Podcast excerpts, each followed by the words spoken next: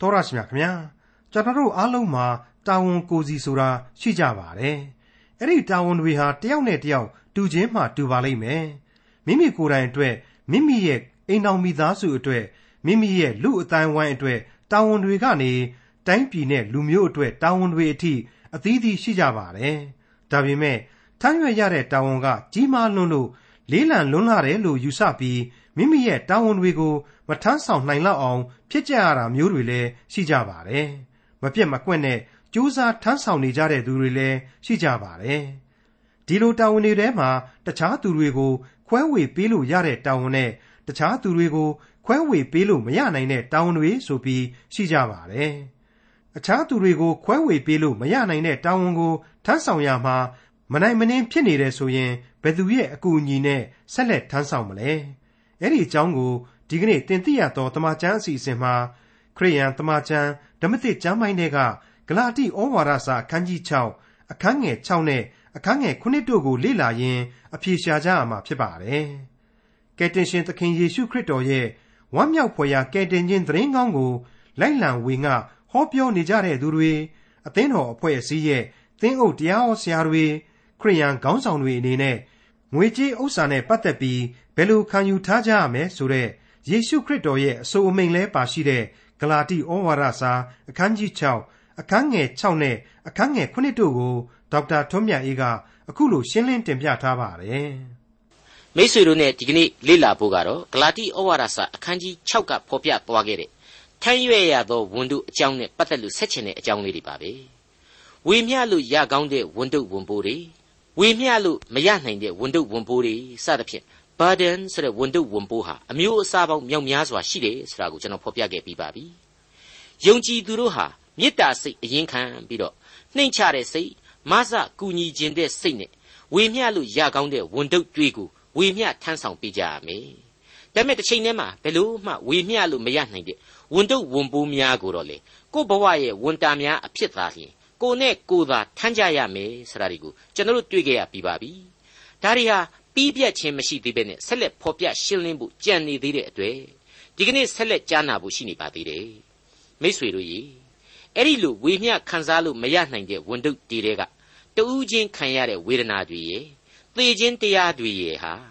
ဘယ်လို့မှသူများကိုဝေမျှပေးလို့မရဘူးသူများစီကလည်းကိုကဝေမျှယူလို့မရဘူးအဲ့ဒီတိုင်းပဲ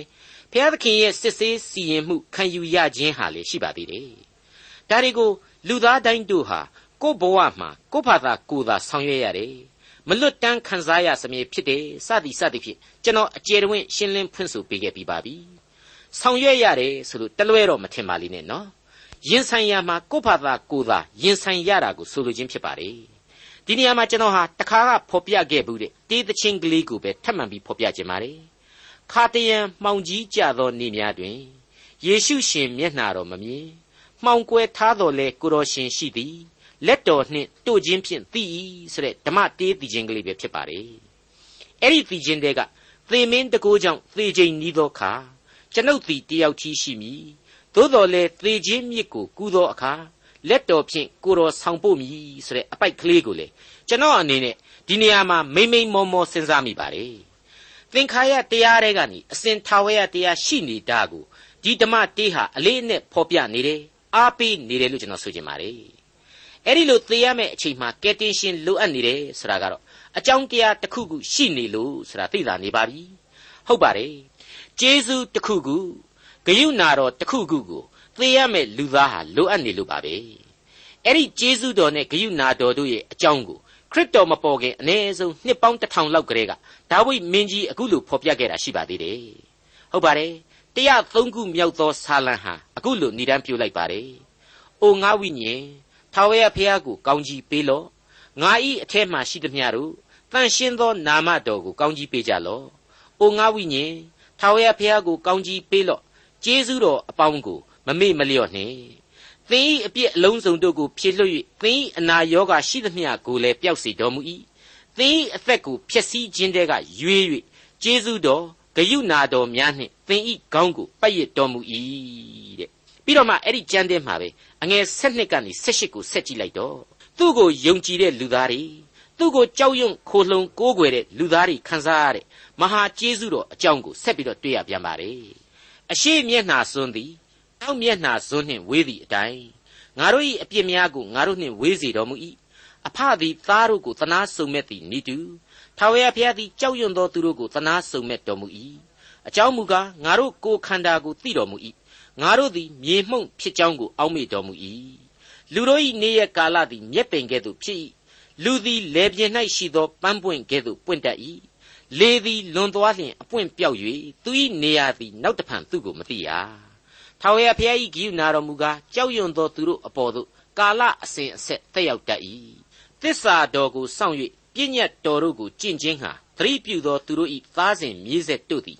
ကုသလတရားတော်နှင့်ဆိုင်ရကြ၏ မိษွေအပေါင်းတို့ခမညာအပြည့်ဝန်တုပ်ကြီးတွေနဲ့သေရွာကိုရှောက်သွားနေရတဲ့ကျွန်တော်တို့အဖို့လောကမှာမျောလင်းခြင်းကြီးစွာနဲ့လိုက်နာစရာကတော့ယုံကြည်ခြင်းတရားပါပဲဟုတ်ပါတယ်ပြည့်လွတ်ပိုင်ရှင်သခင်ခရစ်တော်ကိုယုံကြည်ဖို့သာရှိပါတယ်တမန်တော်ကြီးရှင်ယောဟန်ရဲ့ဩဝါဒစာပထမစာဆောင်အခန်းကြီး1အငယ်9မှာဘုရားသခင်သည်အလင်း၌ရှိတော်မူတဲ့ကဲ့သို့ငါတို့သည်အလင်း၌ကျင်လည်လျင်အချင်းချင်းမိသဟာယဖွဲ့ခြင်းရှိကြသည်ဖြစ်၍ ဘုရားသခင်၏သားတော်ယေရှုခရစ်၏အသွေးတော်သည်ငါတို့အပြစ်ရှိသမျှကိုဆေးကြောတော်မူ၏ဆိုပြီးတော့ဖော်ပြထားပါတယ်အလင်း၌ကျင်လေတယ်ဆိုတာအမှန်တော့နှုတ်ကပတ်တော်၌ကျင်လေခြင်းခရစ်တော်ကိုယုံကြည်ခြင်း၌ကျင်လေခြင်းကိုးကွယ်ဝတ်ပြုခြင်း၌ကျင်လေခြင်းတန်ရှင်းသောဝိညာဉ်တော်နဲ့အတူကျင်လေခြင်းအတူတူတွေပါပဲအဲ့ဒီလိုကျင်လေလေလေကိုဟာအပြစ်ရှိလေလေဆိုတာကိုသိနိုင်မယ်လို့လေကျွန်တော်အကြိမ်ကြိမ်ဆိုခဲ့ပြီးဖြစ်ပါတယ်ဒီတော့ ယုံကြည်ခြင်းတရားဆိုတာဟာကိုယ်အပြစ်ရှိခြင်းကိုသိသောကြောင့်ပြစ်လွတ်ပိုင်ရှင်ကိုခိုးလှုံသောတရားလို့လေဆိုလို့ရနိုင်မယ်ဖြစ်ပါတယ်ဒီတော့ဝေဒနာဝန်တုပ်ဝန်ပိုးသေခြင်းဝန်တုပ်ဝန်ပိုးတရားစီရင်ခြင်းခံယူရမယ်ဝန်တုပ်ဝန်ပိုးအဲ့ဒီဝန်တုပ်ဝန်ပိုးတွေကြားထဲမှာဒီအပြစ်ဝန်တုပ်ဝန်ပိုးဆိုတာဟာမချိမဆန့်ဝန်တုပ်ဝန်ပိုးတစ်ခုအဖြစ်အခြေခံကြကြကြီးကျွန်တော်တို့နားလည်ဖို့ရန်ပေါ်ထွက်နေပြီ အဲ့ဒီဝန်တုပ်ကိုလည်းကျွန်တော်တို့ဟာဘယ်လိုလုပ်ပြီးတော့ကူထမ်းနိုင်မှာလဲမင်းရဲ့အပြစ်ကလေးငါတဝဲမျှကွာဆိုရင်မတကာမကောင်းမှုတွေကိုဝိုင်းပြီးတော့ကျူးလွန်တဲ့သဘောမျိုးပဲဖြစ်မယ်အပြစ်ရှိပြီးသားလူမှာနောက်ထပ်အပြစ်တွေပို့လာပြီးတော့မရှိသေးတဲ့လူစီမှာလည်းအပြစ်သစ်နောက်ထပ်တစ်ခုတိုးလာရမှာသာဖြစ်ပါတယ်ပြစ်လွတ်ပိုင်ရှင်ကိုဂုံတော်ဖွင့်ဆိုချီးမွမ်းခဲ့တဲ့ဒါဝိဒ်မင်းကြီးဟာအပြစ်ရဲ့သဘောတရားကိုသူ့ရဲ့38ခုမြောက်သောဆာလံမှာအခုလိုဖော်ပြထားပါတယ်ကျမ်းရဲ့ခေါင်းစဉ်ကတော့ အောက်မေ့စေခြင်းဟာဆက်ဆူသောဆာလံတဲ့နားဆင်ကြည့်ကြပါအောက်မေ့စေခြင်းဟာဆက်ဆူသောဆာလံ38ခုမြောက်သောဆာလံအငယ်1မှ8အိုးထာဝရဖျားအမျက်တော်ထွက်၍အကျွန်ုပ်ကိုအပြစ်တင်တော်မမူပါနှင့်ပြင်းစွာသောစိတ်တော်ရှိ၍ဆုံးမတော်မမူပါနှင့်မြားတော်တို့သည်အကျွန်ုပ်၌စူးဝင်၍လက်တော်သည်အကျွန်ုပ်ကိုနှိပ်လျက်ရှိပါ၏အမျက်တော်ထွက်သောကြောင့်အကျွန်ုပ်အသားသည်ကျမ်းမာခြင်းမရှိပါဒုစရိုက်အပြစ်ကြောင့်အယိုးများတဲ့မှသက်သာခြင်းမရှိပါ အကျွန်ုပ်ပြုမိသောဒုစရိုက်တို့သည်အကျွန်ုပ်ခေါင်းကိုလွှမ်းမိုး၍လေးသောဝန်ကဲ့သို့အကျွန်ုပ်မထမ်းနိုင်အောင်လေးကြပါ၏အကျွန်ုပ်မိုက်သောအမှုကြောင့်အနာတို့သည်နံစော်၍ရည်ရွယ်လျက်ရှိကြပါ၏အကျွန်ုပ်သည်ပြင်းထန်စွာခံရ၍အလွန်နှိမ့်ချလျက်ကြမ်းတမ်းသောအဝတ်ကိုဝတ်လျက်တစ်နေ့လုံးသွားရပါ၏အကျွန်ုပ်ခါသည်ပူလောင်သောအနာဆွဲ၍အသားသည်လည်းကျမ်းမာခြင်းမရှိပါနှုတ်နဲ့ခြင်းကြေကွဲခြင်းရှိ၍စိတ်နှလုံးလှုပ်ရှားသဖြင့်အော်ဟစ်ရပါ၏ကဲ ခေါင်းတစ်ခုလုံးကိုတောင်မှလွှမ်းမိုးထားပြီးတော့လေးလံလွန်းလှပါတယ်တဲ့ဒါဝိမင်းကြီးဖော်ပြလိုက်တယ်လေးလံလွန်းလို့မထမ်းဆောင်နိုင်ပါဘူးတဲ့ခွဲဝေခံစားလို့မရသလိုလူသားဟာအပြည့်ရဲ့ကြုံဖြစ်ပြီဆိုရင်ဘလောက်ထိပင်ပန်းဆင်းရဲရတယ်ဆိုတာကိုဝိညာဉ်သဘောအရကျွန်တော်တို့သိနိုင်လောက်ပါပြီဒါကြောင့်မို့လဲဒါဝိမင်းကြီးဟာ55ခုမြောက်သောဆာလံကြတော့အခုလိုဆက်ပြီးဆိုလိုက်ပါတယ်အကျွန်ုပ်နှလုံးသည်ကိုယ်အแทမှာတုန်လှုပ်၍သေဘေးကိုကြောက်အားကြီးပါ၏ ကြောက်ရွံ့တုန်လှုပ်ခြင်းသို့ရောက်၍အလွန်ထိတ်လန့်ခြင်း၌မွန်းလျက်ရှိပါ၏ငါသည်ဂျိုးငှဲ့ကဲ့သို့အတောင်ကိုရပါစေသောထိုသို့ရလျင်အခြားသို့ပြန်သွား၍ငြိမ်ဝတ်လျက်နေလိမ့်မည်ဝေးစွာသွား၍တောမှနေရာကျလိမ့်မည်တဲ့ပြီးတော့မှတခါပြင်းစွာသောမိုးသက်မုန်တိုင်းနှင့်လွတ်ချင်းအလုံးဟာအလျင်အမြန်ပြေးလိမ့်မည်ဟုအကျွန်ုပ်စိတ်ရှိပါ၏တဲ့အပြည့်ဝန်တော့ဆိုတာဟာအဲ့ဒီလောက်အထိကြီးမားလေးလံတဲ့ကြောက်စရာကောင်းတယ်တခုတော့ရှိတာပေါ့ ကျွန်တော်ပြောခဲ့တဲ့အတိုင်းဝိညာဉ်သဘောအရာလေးလံတာကိုပဲဇာတိပဂရိသဘောလွှမ်းမိုးခြင်းမှာတော့ဒီလိုခံစားရမှာမဟုတ်ဘူးကောင်းလိုက်တာပျော်လိုက်တာအရသာရှိလိုက်တာနဲ့အပြစ်နွမ်းမှာထာဝရပျော်ခြင်းသူတွေဇာတိပဂရိသမားတွေအဖို့ကတော့ကိုတွင်းကိုကိုတူးသေလန်းကိုလိုက်ပြီးတော့ထာဝရအသက်လန်းနဲ့ဝေးရအရက်မှာမထူးဇက်ခင်းပြီးတော့နေကြလိမ့်မယ်ထင်ပါတယ်လေးလံမှန်လဲသူတို့ခန်းစားရလိမ့်မယ်မထင်ဘူး ဒါပေမဲ့ဘယ်လိုပဲပြောပြောစိတ်တဗေဒပညာအရာကတော့လူတိုင်းဟာစိတ်ထဲမှာမသိုးမသန့်ဖြစ်တဲ့ဝေဒနာတစ်ခုကတော့ရှိမြဲပဲလို့ဆိုပါတယ်မိษွေတို့ကဘာကျော်စာရေးဆရာကြီးဆာအာသာကွန်နန်ဒွိုင်ဆိုတာကိုကြားဘူးကြမယ်လို့ကျွန်တော်ထင်ပါတယ်ကဘာကျော်စုံတောက်ကြီး Sherlock Holmes ဆိုတာကိုမွေးထုတ်ပေးခဲ့တဲ့ဆရာဝန်စာရေးဆရာကြီးပါအဲ့ဒီ Sherlock Holmes ကိုပဲဆရာကြီးရွှေဦးတောင်းကနေပြီးတော့ဥဆန်ရှာဆိုပြီးတော့ဘာသာပြန်ဝတ္ထုတွေရေးတယ်ကာတွန်းဥအောင်ရှင်ကနေပြီးတော့ဥရှန်စားဆိုပြီးတော့ကာတွန်းတွေနောက်ပြောင်ပြီးတော့ဆွဲတယ် အခုဆရာမင်းသင်ခကလည်းစားပလင်းနှင်းမောင်ဇလန်းတွေကိုအဲ့ဒီဆာအာသာကွန်နန်ဒွိုင်ရဲ့မူကိုပဲယူပြီးတော့ဆက်လက်ဖန်တီးပေးနေတာဖြစ်ပါတယ်ဆာအာသာကွန်နန်ဒွိုင်ဆိုတာဟာလူတွေရဲ့စိတ်တဗေဒသဘောတရားကိုသိစိတ်ဝင်စားတဲ့လူကြီးဖြစ်တော့သူတေသနာသူကိုယ်တိုင်ပြုလုပ်ခဲ့ဘူးတယ်လို့ဆိုပါတယ်အင်္ဂလန်နိုင်ငံလန်ဒန်မြို့ကအဲ့ဒီခေတ်လူယိုသေးရှင်ယိုသေးပုဂ္ဂိုလ်ကြီး12ယောက်စီကိုသူဟာပိုက်ဆံအကုန်ခံပြီးတော့တန်ကြိုးလှမ်းရိုက်လိုက်ပါတယ်တဲ့တန်ကြိုးထဲမှာစာကတော့ခတ်တူတူကလေးပါပဲ အကုန်လုံးပေါ်ကုန်ပြီပြေးနိုင်မှလွတ်စေတဲ့အဲ့ဒီပုဂ္ဂိုလ်ကြီးတွေဟာနော်တယောက်မှဒုစရိုက်ကောင်ကြီးတွေမဟုတ်ဘူးလူကြီးလူကောင်စည်ရင်ဝင်ကြီးတွေကြီးပဲဒါပေမဲ့အဲ့ဒီတန်ကြိုးစာလည်းဖတ်ပြီးတော့ဘာလုပ်တယ်ထင်လေတခါတည်းအထုပ်အပိုးပြင်ပြီးတော့ထွက်ပြေးလိုက်ကြတာတန်းနေတာပဲတဲ့အဲ့တော့တကယ်တမ်းသာကို့အပြစ်ရှိခြင်းကိုခန်းစားတတ်လာပြီဆိုရင်တော့ဒါဝိမင်းကြီးဖော်ပြသလိုပဲအဲ့ဒီအပြစ်တရားဆိုတာဟာကို့ကိုအကြီးအကျယ်နှိပ်စက်ပြီကို့ရဲ့နှလုံးသားဟာခိုက်ရပြီ အဲ့ဒါဆိုရင်ဒါဝိမင်းကြီးကဘယ်လိုဆက်ပြီးတော့အကြံပေးအောင်မယ်ဆိုတာကိုနားထောင်ကြည့်ကြပါ55ခုမြောက်သောဆာလံအငယ်22ထမ်းရွက်ရသောဝန်ကိုထာဝရဘုရား၌ချထားလော့သင်ကိုမဆတော်မူမည်ဖြောင့်မတ်သောသူကိုအစဉ်အမြဲလှုပ်ရှားစေတော်မမူရာတဲ့ဘလောက်ကောင်းလဲဖြောင့်မတ်သောသူတယောက်ကိုအမြဲတမ်းကြီးရင်းရိုင်မနေစေဘူးတွေ့ဝေမနေစေဘူးဒုက္ခရောက်မနေစေဘူးမဆစောင့်ရှောက်မယ်တဲ့ဖြောင့်မတ်သူဆိုတာဟာဘာတူလဲရှင်းပါတယ် ယုံကြည်ခြင်းရှိသူဟာဖြောင့်မတ်သူပါပဲဒီအကြောင်းကိုဖော်ပြရင်းနဲ့သင်သိရသောသမာကျမ်းကိုပြုစုသွားခဲ့တဲ့ဒေါက်တာမက်ဂီကနေပြီးတော့သူတွေ့ခဲ့ဘူးတဲ့ပကြီကားနှစ်ချက်အကြောင်းကိုဖော်ပြပြီးတော့သေခြင်းတရားအကြောင်းကိုဖော်ပြထားပါတယ်ပထမပကြီကားချက်ကြီးဟာဒိုင်းဂေါဆိုတဲ့ပကြီကားချက်ကြီးဖြစ်တယ်ရှေးခေတ်ယောမအင်ပါယာကြီးမှာအဲ့ဒီဂေါလအရက်ကလူစုံကောင်းကြီးဟာကျွန်အဖြစ်ဖန်ဆီးခြင်းခံလာရတယ်ပြီးတော့မှယောမသားတွေရဲ့လူသက်ပြိုင်ပွဲအရီနာကွင်းပြင်ကြီးထဲမှာ လူသက်ပွဲကြီးတဲ့ဝင်ပြီးတော့ပြိသက်တို့ရှေ့မှာတိုက်ခိုက်ဖျော်ပြရတယ်အကယ်၍နိုင်ရင်တော့ထောင်ကလွတ်ပြီးမနိုင်ရင်တော့အဲ့ဒီမှာတင်အသေးပဲပေါ့သူခမရမနိုင်ခဲ့ရှာဘူးဓာကြီးပိုက်မှာစူးပြီးတော့သွေးတန်တရေရဲနဲ့အရီနာကွင်းအလဲမှာသေငယ်စောနဲ့မျောနေတဲ့ပုံကိုတွေ့ရပါတယ်တဲ့အဲ့ဒီဒိုင်းဂေါလ်ဆိုတဲ့ပကြီကားကြကြီးတဲ့မှာပေါ့ဘသူမှသူ့ကိုလာပြီးတော့မကယ်ခဲ့ပါဘူးသူဟာကျွန်တယောက်လည်းဖြစ်ခဲ့တယ် တိုင်းတစ်ပါးသားတူလည်းဖြစ်ခဲ့တယ်ဆိုတော့သူ့အနားမှာဘသူမှလည်းမရှိခဲ့ရှာပါဘူးသူဟာစင်စင်ကြီးလဲနေရင်းနဲ့အင်မတန်သနာစရာကောင်းတဲ့မျက်လုံးအစုံကိုဖွင့်ပြီးတော့ဘာကိုကြည့်မှန်းမသိကြည့်နေရှာတယ်ဆိုတာကိုပကြီးဆရာကရေးဆွဲထားလိုက်တာဟာအလွန်အလွန်စိတ်ထိခိုက်စရာကောင်းလာတယ်လို့ဒေါက်တာမက်ဂီကပြောပါတယ်ဒေါက်တာမက်ဂီအနေနဲ့ဒီပုံကြီးကိုစိတ်စိတ်ကြည့်ပြီးတော့အပြစ်လောကရဲ့ကျွန်ဘဝကလူသားဟာဘလောက်ပဲလူစွန်းကောင်းကြီးဖြစ်နေနေ ဤကုန်းတနေ့မှာတော့အဲ့ဒီအတိုင်းပဲသေငယ်စောမှာတနည်းမဟုတ်တနည်းမျောကြရတာကြီးပဲအရေးကြီးတာကတော့ကိုကြည့်နေတဲ့မျက်လုံးအစုံဟာဘယ်ကိုကြည့်နေသလဲဆိုတာကသာအရေးအကြီးဆုံးပဲဖြစ်တယ်ကယ်တင်ရှင်သခင်ခရစ်တော်ကိုမြင်သည်မမြင်သည်သာလျှင်ဘဝမှာအရေးအကြီးဆုံးဖြစ်တယ်ဆိုတာကိုဖော်ပြလိုက်ပါတယ်နောက်ထပ်ပကြီးကားကြီးတစ်ချက်ကြတော့လာအိုကွန်းလို့ခေါ်တဲ့ပကြီးကားကြီးဖြစ်ပါတယ်တဲ့ try ဆိုတဲ့မြို့ကနတ်ရစ်ပရောဟိတ်တယောက်ရဲ့ပုံဖြစ်တယ် အလွန်ကြောက်စရာကောင်းတဲ့မွေကြီးနှစ်ကောင်ကနေပြီးတော့သူ့သားနှစ်ယောက်ကိုပတ်ထားလို့သူကကယ်ဖို့အသွားမှာသူ့ကိုပါဆက်ပြီးတော့အဲ့ဒီမွေကြီးနှစ်ကောင်ဟာဝိုင်းပြီးတော့ပတ်ရစ်လိုက်တဲ့ပုံဖြစ်ပါတဲ့ဒေါက်တာမက်ဂီဟာဒီမွေကြီးတွေဟာတကယ်တော့အပြစ်ဒုစရိုက်ကိုကိုစားပြုတဲ့စာရမဏတ်သာလျှင်ဖြစ်တယ်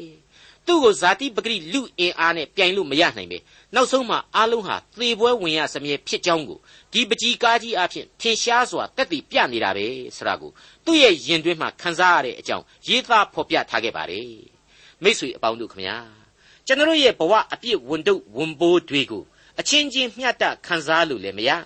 ထမ်းဖို့ဆိုတာကလည်းအလွန်လေးလံလွန်းလှတယ်ဆိုတာနားလည်ခဲ့ရပါပြီကဲကျွန်တော်တို့ဘာလုပ်ကြမလဲဒါဝိမင်းကြီးဆိုခဲ့တယ်လို့ထမ်းရွက်ရသောဝန်ကိုထာဝရဘုရား၌ချထားလောဆိုတဲ့လမ်းကလွဲပြီးတော့ရွေးချယ်စရာဘာမှမရှိတော့ပါဘူး ခရစ်တော်ကိုယ်တော်တိုင်ဟာရှင်မာကုခရစ်ဝင်ကျမ်းအခန်းကြီး30အငယ်45အရာ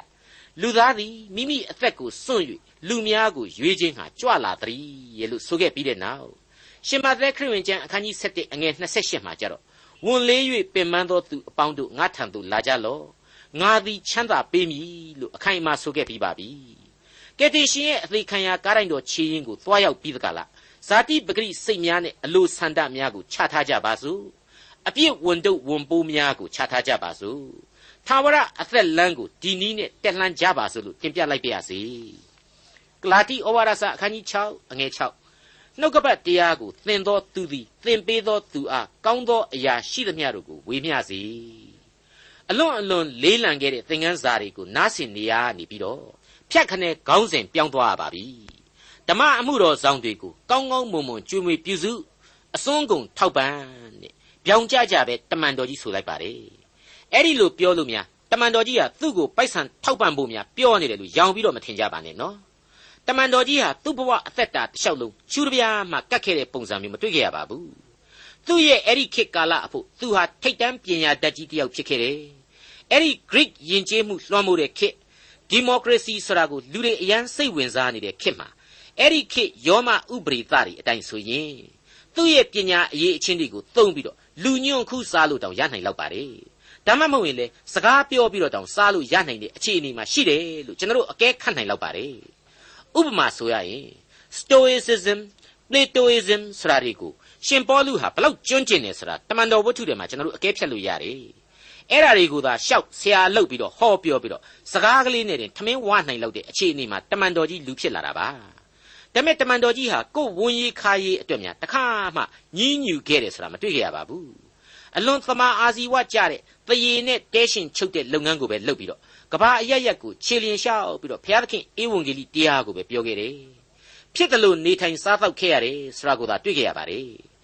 သူဟာဆင်းရဲတဲ့ယေရုရှလင်မြို့ကယုံကြည်သူတွေအတွက်သာလျှင်တောင်ပိုင်းဥရောပအသင်းတော်တွေစီကနေပြီးတော့အလှငွေတွေကောက်ခံပြီးတော့အဲ့ဒီအလှငွေတွေကိုဆင်းရဲသားတွေစီကို ကိုရိလက်ရောက်အပင်ပန်းခံပြီးတော့ဆောင်ယူပို့ပေးခဲ့တယ်ဆိုတာကိုလေတမန်တော်ဝတ္ထုကောရိန္သုဩဝါဒစာဆောင်တို့အားဖြင့်ကျွန်တော်သိခဲ့ရပြီးသားပါအခုတော့တမန်တော်ကြီးဟာဂလာတိအသင်းတော်ကိုတိုက်တွန်းလိုက်ပြီနှုတ်ကပတ်တရားတော်ကိုသင်သောသူသည်သင်ပေးသောသူအားကောင်းသောအရာရှိသမျှတို့ကိုဝေမျှစေတဲ့ရှင်းနေပါလေနော်ဒီကနေ့ကျွန်တော်တို့ယုံကြည်သူအသင်းတော်များဟာမိမိတို့ရဲ့အဖသင်းအုပ်ဆရာတွေမိမိတို့ဆိုတဲ့သိုးစုများကိုစောင့်ရှောက်နေရတဲ့သိုးရင်းကြီးတွေကို မိမိတို့တတ်နိုင်သမျှပြန်ပြီးတော့အလုတ်အကျွေးပြုတ်ကိုပြုတ်ကြရပါလိမ့်မယ်